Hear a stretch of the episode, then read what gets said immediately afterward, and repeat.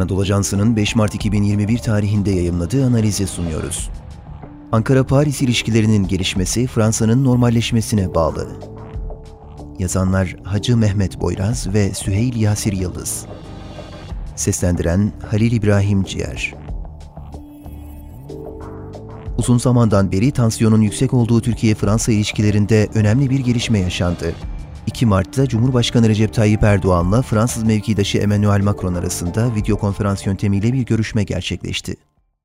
Macron yönetiminin bir süredir devam eden popülist ve tepeden bakan siyaset tarzından ötürü Türk-Fransız ilişkilerinde ciddi sorunların yaşandığı böyle bir dönemde iki liderin görüşmesi her halükarda ilişkilerin geleceğine dair olumlu bir gelişme olarak görülebilir. Erdoğan-Macron görüşmesi Türk-Fransız ilişkilerinin zorlu bir süreçten geçtiği bir dönemde iki ülkenin cumhurbaşkanları yeni tip koronavirüs salgınından ötürü video konferans yöntemiyle 2 Mart'ta görüşme kararı almıştı. Türkiye ve Fransa'nın NATO'nun güçlü iki müttefiki olduğunu belirten Cumhurbaşkanı Erdoğan, Avrupa'dan Kafkaslara, Orta Doğu'dan Afrika'ya kadar uzanan geniş coğrafyada iki ülkenin güvenlik, barış ve istikrar çabalarına önemli katkılar sağlayabileceğini ifade etti.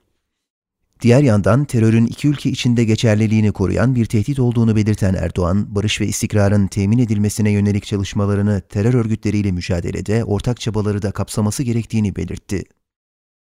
Cumhurbaşkanı Erdoğan'ın Fransa ile beraber çalışma potansiyelini yüksek gördüğü bölgelerde iki ülkenin sık sık karşı karşıya gelmesi dikkat çekici. Bunun yanında karşılıklı çıkar çatışmalarının yüksek olduğu aynı bölgelerdeki sorunların çözümü konusunda dahi önce Türkiye'nin barış elini uzatmasını gözden kaçırmamak gerekiyor. Nitekim Erdoğan'ın 1921 yılında imzalanan ve bugünlerde 100. yılını dolduran Ankara Antlaşması'na atıf yaparak iki ülke arasındaki işbirliğinin önemine vurgu yapması da dikkat çekici. Öte yandan 2 Mart tarihinde gerçekleştirilen ikili görüşmenin sürpriz olmadığını da belirtmek gerekiyor. Zira hatırlanacağı üzere ikili ilişkilerin her geçen gün daha da kötüye gittiği bir dönemde bu yılın Ocak ayında Fransa Cumhurbaşkanı Macron, Cumhurbaşkanı Erdoğan'a bir mektup yazarak ikili ilişkilerdeki gerilimi düşürmek için en yakın zamanda görüşmek istediğini belirtmişti. Dolayısıyla 2 Mart'ta gerçekleşen Erdoğan-Macron görüşmesi sürpriz bir gelişme olmaktan ziyade Ocak ayında başlayan diplomasi trafiğinin devamı olarak görülebilir. Ancak ikili görüşmedeki olumlu havaya aldanıp Türk-Fransız ilişkilerinin normalleştiğini söylemek en azından şu an için mümkün değil.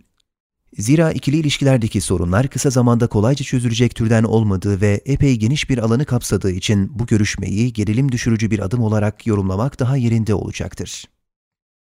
Nitekim Fransa Dışişleri Bakanı görüşme sonrası üst perdeden konuşma tavrına devam ederek Türkiye'nin Fransa'ya ve AB'ye hakaret etmeyi bıraktığını dile getirmesi ve bunun ikili ilişkilerdeki gerilimi yatıştırdığını ancak Ankara somut adımlar atana kadar ilişkilerin kırılgan kalacağını ifade etmesi esasen gerilimin devam ettiğini ortaya koyuyor. Buna karşın Türk-Fransız ilişkilerindeki sorunların müsebbibinin esasen Macron yönetimi olduğu somut bir gerçekliktir. Dolayısıyla Fransa Dışişleri Bakanı'nın açıklamasının tersine Macron yönetimindeki Fransa'nın Türkiye ile ilişkiler konusunda gerçekten samimi davranması ve bunu uygulamaya dökmesi durumunda ikili ilişkilerin gerçekten normalleşebileceği söylenebilir. Netice itibarıyla Fransa ve Avrupalı ortaklar tarafından bütün sorunların kaynağı olarak Türkiye'nin lanse edildiği bir ortamda Türk-Fransız ilişkilerinin normalleştirilmesi adına Erdoğan-Macron görüşmesi hiç şüphesiz önemli bir adım. Buna karşın Türkiye ile Fransa arasındaki sorunlu alanların geniş ve derin olması nedeniyle ikili ilişkilerde gerçek bir normalleşme için bu tür yapıcı görüşmelerin devam etmesi gerekiyor.